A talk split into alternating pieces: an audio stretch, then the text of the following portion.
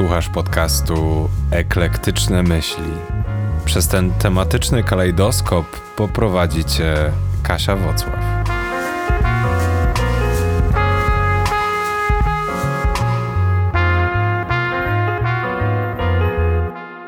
Hej, hej! Witam Was bardzo serdecznie w kolejnym odcinku mojego podcastu. Przypominam, słuchacie eklektycznych myśli, czyli Emki. Dzisiaj będzie o nawykach, czyli o tym, co powoduje, że robimy to, co robimy, jemy to, co jemy i mówimy to, co mówimy. Mówimy, tak. Bo te wszystkie takie wrzutki słowne, które mamy, takie słówka bezpieczeństwa, wypełniacze, czy z angielskiego ładnie e, nazwane filler words, to też kwestia nawyku. Takie, wiecie, spadanie do pewnych bezpiecznych rzeczy i tego się też możemy nauczyć i oduczyć. Tak, jako małe wtrącenie. Dzisiaj porozmawiamy konkretnie o tym, czym są nawyki, skąd się biorą, jak się kształtują i jak je zmieniać.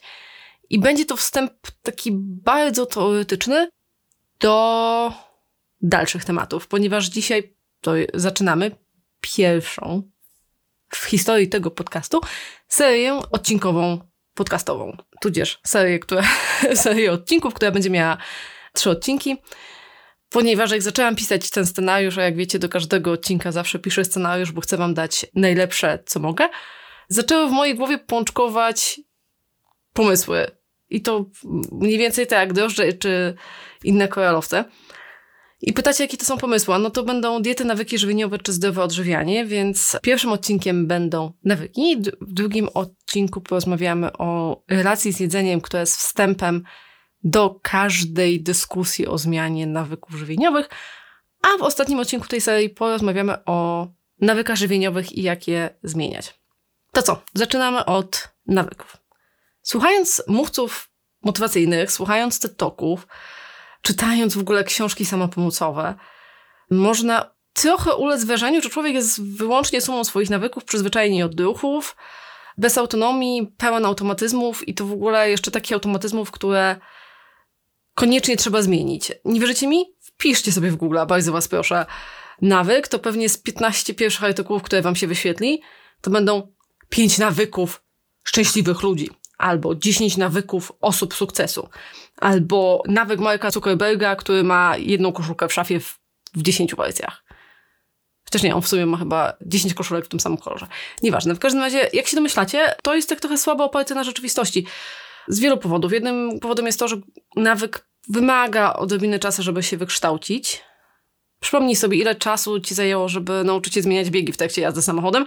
Przy okazji ogarniać znaki drogowe i jeszcze zahamować przed przejściem dla pieszych.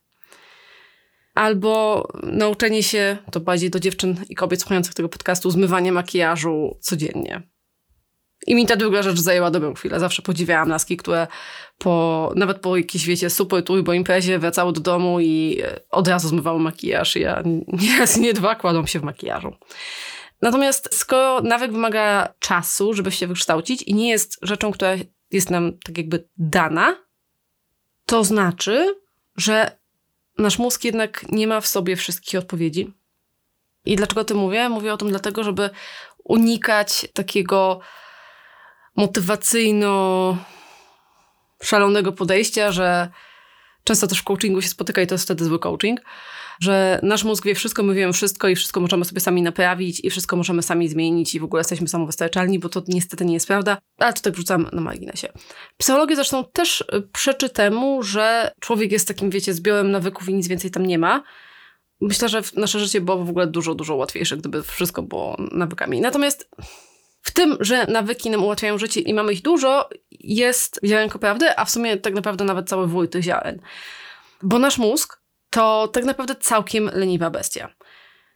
I nie mówię tego dlatego, żeby obrazić nasz mózg, bo on jest w ogóle rewelacyjny i zajebisty. Słuchajcie, cały dzień pracuje, zapewnia nam oddychanie, przemianę materii, zarządza toną, toną rzeczy. Natomiast dlatego, że ma tyle pracy, to lubi sobie życie ułatwiać i zaoszczędzać sobie pracy dodatkowej, niepotrzebnej i też wzbudzać sobie poczucie bezpieczeństwa. I ja o tym kawałku też będę mówiła więcej w trzecim odcinku tej serii, czyli o zmianie nawyków. Natomiast nasz mózg zawsze będzie się starał ograniczyć wysiłek. A nawyki są właśnie taką formą zaoszczędzenia sobie pracy przez nasz mózg. Bo nawyki w takiej psychologicznej terminologii to zautomatyzowana czynność lub sposób reagowania, którą nabywa się w wyniku ćwiczenia głównie przez powtarzanie. I tutaj też możecie sobie pewnie przypomnieć, albo może macie w głowie te historie z cyklu potrzeba 10 tysięcy godzin, żeby sobie e, wykształcić nawyk, albo nie wiem, potrzeba pięciu powtórzeń i tak dalej, i tak dalej. Tak naprawdę to też nie do końca jest prawda, ponieważ do wykształcenia nawyków potrzebujemy też emocji i potrzebujemy też bodźców dodatkowych. Natomiast tak, ćwiczenie tu czyni mistrza. I tak przy nawykach mówimy o zautomatyzowanej czynności, bo właśnie ta automatyzacja odbiera naszemu mózgowi potrzebę kontrolowania sytuacji i włącza tak zwanego autopilota. Pomyślcie na przykład o oddychaniu. No ile razy bierzecie oddech świadomie, a ile razy na to nawet nie zwracasz uwagi. I założę się z tobą, że teraz właśnie wziąłeś oddech świadomie, bo ci przypomniałam o tym, że w sumie oddychasz, ale gdybyśmy tak naprawdę mieli przeżyć tylko wtedy, jeśli świadomie bierzemy oddech, to myślę, że wielu z nas by już e, tutaj nie było. Innym przykładem takiej automatyzacji może być użytkowanie noża i widelca. Na początku każdy się uczył, nie? że nóż do prawej, widelec do lewej, teraz automatycznie to bierzemy. I tutaj też jest w ogóle taki tip szybki, że jak próbujemy zmienić nawyki, czy w ogóle próbujemy nauczyć się czegoś nowego, nie wiem, czy chodzenia na siłownię, czy coś, to wyrobienie sobie takiego automatyzmu zwiększa szansę na to, że nam wyjdzie. W ogóle z tym autopilotem to nie jest tylko kwestia nawyku, bo według Amosa Twerskiego i Daniela Kahnemana nasz mózg w ogóle, i tutaj tak mega upraszczając, pracuje w dwóch systemach. W swojej książce Myślenie wolne i szybkie opisują oni tę koncepcję jako koncepcję dwóch procesów poznawczych, które są totalnie autonomiczne, mimowolne i szybkie, i procesów refleksyjnych, które są kontrolowane i wolne. Myślenie szybkie umożliwia nam bezrefleksyjne naciśnięcie hamulca, jak widzimy auto hamując przed nami, spuszczenie wody w toalecie, Mam nadzieję, że coraz większej ilości też zamykanie klapy z toalety w kobiety, wy wiecie o co mi chodzi, czy policzenie prostych procentów. A wspólną cechą tych wszystkich e, zadań jest to, że wykonujemy je szybko, bez większego wysiłku, mimowolnie i bez udziału uwagi. Niestety, bo to brzmi jak w sumie taka fajna rzecz, nie? że możemy sobie bezefekcyjnie pewne rzeczy robić, natomiast e, na podobnym mechanizmie też oparte są stereotypy i te wszystkie szufladki, które mamy, czyli znowu wracamy do tego, że mózg lubi sobie upraszczać rzeczy i przekonania nasze, szczególnie takie po tej stereotypowej stronie, lubią się kształtować właśnie w oparciu o to myślenie szybkie. Procesy myślenia tego powolnego natomiast odzywają się wtedy, gdy musimy podjąć decyzję, kiedy musimy się na czymś skupić, kiedy musimy coś przemyśleć. Czyli na przykład, wiecie, jaki humusik kupić w sklepie, jak wypełnić pita. Tutaj przypominam, 1% podatku należy oddawać. Bardzo proszę, oddawajcie. Jest dużo, dużo fajnych organizacji, które tego potrzebują. Natomiast ten proces znowu powolnego myślenia odzywa się też przy meblach z Ikei, czy w wysiłku dojechania do nieznanego miejsca. Te wszystkie rzeczy wymagają czasu i energii i towarzyszy im takie poczucie świadomej kontroli. W sensie, nie wiem jak to ładnie opisać, natomiast o tych procesach też zwykle pamiętamy, mamy w pamięci to, że te procesy wykonywaliśmy.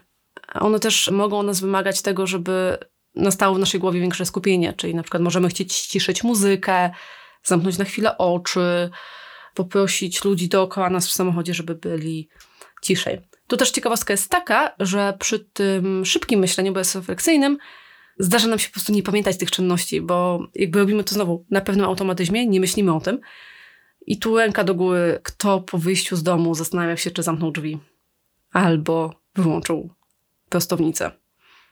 Bo ja z tą prostownicą akurat miałam tak, że autentycznie co wyjście z domu się zastanawiałam, aż kupiłam sobie taki właśnie kontakt, który mogę wyłączać z telefonu i teraz sprawdzam. Natomiast mocno znowu upraszając, to nawyki właśnie korzystając z tych szybkich procesów myślenia i używając słownictwa Daniela Kahnemana, znowu z jego książki Pułapki myślenia o myśleniu szybkim i wolnym, nawyki to procesy, które nie męczą naszego świadomego umysłu. W efekcie może on się zajmować innymi sprawami. I tutaj ważna, ważna uwaga. Automatyzacja jest zresztą kluczem do podzielności uwagi, czy tak modnego multitaskingu. Bo patrząc fizjologicznie i psychologicznie, nasz organizm i nasz mózg nie jest w stanie się fizycznie skupić na dwóch rzeczach i podzielić fizycznie uwagi. Więc jeśli widzimy, że ludzie robią różne rzeczy na raz, wynika to raczej z tego, że jedna z tych rzeczy jest po prostu zautomatyzowana. Po prostu automatyzmy nie obciążają naszych procesów kognitywnych, naszych procesów poznawczych i możemy się skupić na innych rzeczach. Znowu, wracając do tego tematu oddechu, o którym rozmawialiśmy wcześniej, ilu z Was myślało o tym, że właśnie wzięliśmy oddech? Co więcej, może być tak, że słuchasz tego podcastu i słuchasz mnie albo prowadząc samochód, albo idąc z psem na spacer i nie myślisz totalnie o tym, co robisz, bo skupiasz się na tym, co mówię, a naciskanie hamulca, ruszanie nogami i oddychanie jest totalnie zautomatyzowane. Wchodząc w nawyki głębiej, rozparcelujmy teraz ten nawyk na części pierwsze, tudzież na składowe, zróbmy taką, wiecie, sekcję. Chciałam powiedzieć sekcję zwłok, ale to może nie być dobre. No, zróbmy taką sekcję nawyków. Według Charlesa Duhiga, który zresztą napisał książkę Siła nawyków, Mocno ją polecam. Jest bardzo fajna, bardzo lekko się czyta. To jest taka popularno-naukowa książka ubrana w bardzo przystępny, fajny język. Nawyk składa się z trzech elementów. Bodźca, wskazówki i nagrody. Bodziec to jest to, co wywołuje w nas pewne zachowanie. Zachowanie może być mniej lub bardziej świadome, ponieważ po drugiej stronie czeka nas nagroda, jakaś forma nagrody. Natomiast sam bodziec zwykle jest świadomy, Natomiast nie łączymy go często z konkretnym nawykiem. Czyli na przykład coś mnie rozprasza, sprawdzę Face'a, e, dzięki temu mam gratyfikację w postaci tych czerwonych powiadomień. Swoją drogą to w ogóle jest mega uzależniające. Rozbierając to trochę głębiej, to tak, wskazówka to jest to, co przypomina nam o tym nawykowym działaniu. Czyli tutaj w naszym przykładzie to będzie jestem zmęczona. Zwyczaj lub nawyk to jest działanie, które podejmujemy, kiedy ten impuls się wydarzy, czyli idę sobie zrobić kawę. I nagroda, bardzo subiektywna, bardzo często, którą dostajemy, w naszym przykładzie to jest będę pobudzona. I to się tak pięknie nazywa pętla nawyku, bo tak naprawdę jak sobie to rozrysujemy, to faktycznie przypomina taką pętlę i czasem zaciska nam pętlę wokół szyi. Dlaczego o tym mówię? Ponieważ wiele nałogów zaczyna się od nawyku. I jeśli sobie teraz pomyślisz na przykład o paleniu papierosów i jeśli palisz, to, to co opisałam, to możesz brzmieć jak droga do papierosa, prawda? Wskazówka kawa, zwyczaj biorę papierosa, nagroda high nikotynowej. I w sumie na pierwszy rzut oka, tak jak ja opisałam palenie papierosów, to można by uznać, że nawyk to nauk, co niestety nie jest takie proste. Pomimo tego, że wiele nałogów ma jakiś impuls i ma jakąś gratyfikację, to niestety nie jest to nauk i zupełnie inaczej się podchodzi do leczenia i zarządzania tym, co się dzieje z nami w trakcie nałogu. Zrobię tu takim, taką małą przerwę na półtorej minuty, żeby szybko wspomnieć o uzależnieniu od substancji, czym to się różni od nałogu, bo cechami charakterystycznymi nałogu lub uzależnienia jest silne pragnienie oddania się danej czynności lub zażycia konkretnej substancji. I tutaj też mamy trudności z kontrolowaniem tego, w zakresie czy to rozpoczęcia, czy kończenia, czy rozmiarów zażywania danej substancji. Mamy tu też fizjologiczne objawy odstawienia, mamy zmianę tolerancji, w sensie kiedyś na przykład wystarcza nam jeden papieros, teraz musimy wypalić pięć. Mamy też problem z poczuciem przyjemności z innych źródeł, albo wręcz zaniedbywaniem tych źródeł przyjemności i kontynuowanie w tym nałogu, pomimo potencjalnych negatywnych następstw, albo w ogóle już bardzo negatywnych następstw. Innymi czerwonymi flagami może, mogą być to, że czujemy się niespokojni lub niezdolni do radzenia sobie w sytuacji emocjonalnej bez danej substancji. Mm, życie staje się dosyć niekontrolowalne, bo ciągle dążymy do danej substancji. Możemy też się wycofywać od obowiązków, zobowiązań społecznych lub przyjemnych działań. No i zaczynamy podejmować niepotrzebne ryzyko, które czasem albo często wpływa nieprzyjemnie na nasze życie. I tutaj, jeśli podejrzewasz u siebie uzależnienie od substancji i chcesz coś z tym zrobić, proszę poszukaj pomocy u specjalisty do spraw uzależnień, ponieważ samemu radzenie sobie z uzależnieniami jest dosyć trudne, żeby nie powiedzieć bardzo trudne. I niektórym ludziom się to udaje, natomiast w zależności od siły, w jakiej ta substancja nas uzależnia, warto udać się do specjalisty. Dobra, Wracając do nawyków. Nawyki same w sobie nie są złe. Jak mówiłam wcześniej, one mega dużo nam ułatwiają, pomagają. No, znowu pomyśl sobie, że za każdym razem, jak zmieniasz biegi, musiałbyś czy musiałabyś świadomie myśleć o tym, że musisz ten bieg zmienić. No ja nie chcę wracać do tego etapu nauki jazdy. Natomiast problem leży w posiadaniu niepożądanych nawyków. Ja celowo nie używam tutaj słowa złych nawyków, bo nie chcę, żeby to było wartościujące. Natomiast są pewne nawyki, które dla nas są niepożądane lub społecznie są niepożądane i te nawyki potrafią zrujnować nam zdrowie, życie, znajomości, relacje, ponieważ często nie będziemy widzieć ani rozumieć, dlaczego tak się dzieje, albo po prostu działać dosyć mocno nawykowo. Tutaj jest taki dosyć sztamp, sztampowy przykład. Na przykład chcesz schudnąć i zastanawiasz się, dlaczego nie potrafisz, bo niby jesz zdrowo, kupujesz same warzywa, mało smażysz, a jednak te kilogramy nie do końca spadają. A tutaj się może okazać, że twój nawyk picia coli do posiłku powoduje, że ty jesz, albo przynajmniej nie tracisz na wadze. I to może być coś, czego ty nie zauważasz, prawda? Swoją drogą, nawet pijąc napoje typu zero, można sobie niezłą świnię podłożyć, bo niektóre słodziki wzmagają apetyt. Najskuteczniejszą metodą wpływania na swoje nawyki jest rozpoznawanie bodźców, wskazówek i nagród. W sensie zrozumienie, dlaczego robię to, co robię i co mi to dobrego daje lub złego. Dzięki temu względnie łatwo nam będzie określić, w którym momencie się nawyk zaczyna, w którym się kończy i co więcej, będzie nam łatwo też wpłynąć lub delikatnie zmodyfikować to zachowanie pomiędzy tymi dwoma skrajnymi punktami. Charles Duhigg, znowu, którego już czytowałam wcześniej, w swojej książce całkiem nieźle nam pomaga i daje nam parę dobrych nomen omen, nomen omen, wskazówek, jak zidentyfikować i poradzić sobie z każdą z faz. Zresztą mówię jeszcze raz, książkę polecam, bo na pewno naprawdę jest świetna. Natomiast Duhigg sugeruje, żeby na etapie wskazówki przypatrzyć się okolicznościom, kiedy ona występuje. W sensie, z kim jesteśmy, gdzie jesteśmy, co robimy, co czujemy, ponieważ jedna z tych rzeczy może być naszym wyzwalaczem. Najlepiej, e, jeśli chcecie zmienić dany nawyk, można to zapisać sobie na karteczce, jako takie studium przypadku. E, następnie patrzymy na nawyk. Ja też lubię patrzeć na to, czy on się zmienia w zależności od okoliczności. Natomiast patrzenie na nawyk jest bardzo trudnym momentem, ponieważ przede wszystkim musimy się przed sobą przyznać, że robimy różne rzeczy, które mogą być przez nas odbierane jako wstydliwe. Na przykład może mamy nawyk dłubania sobie w nosie, prawda? Jak nam się nudzi. I musimy się do tego przed sobą przyznać i zastanowić się, czy możemy to zastąpić. Co więcej, musimy się przed sobą przyznać, że ten nawyk nam daje coś dobrego, czyli nawet może jakąś przyjemność z niego czerpiemy. Dlatego po tym, jak już poznamy wskazówkę, patrzymy na nawyk.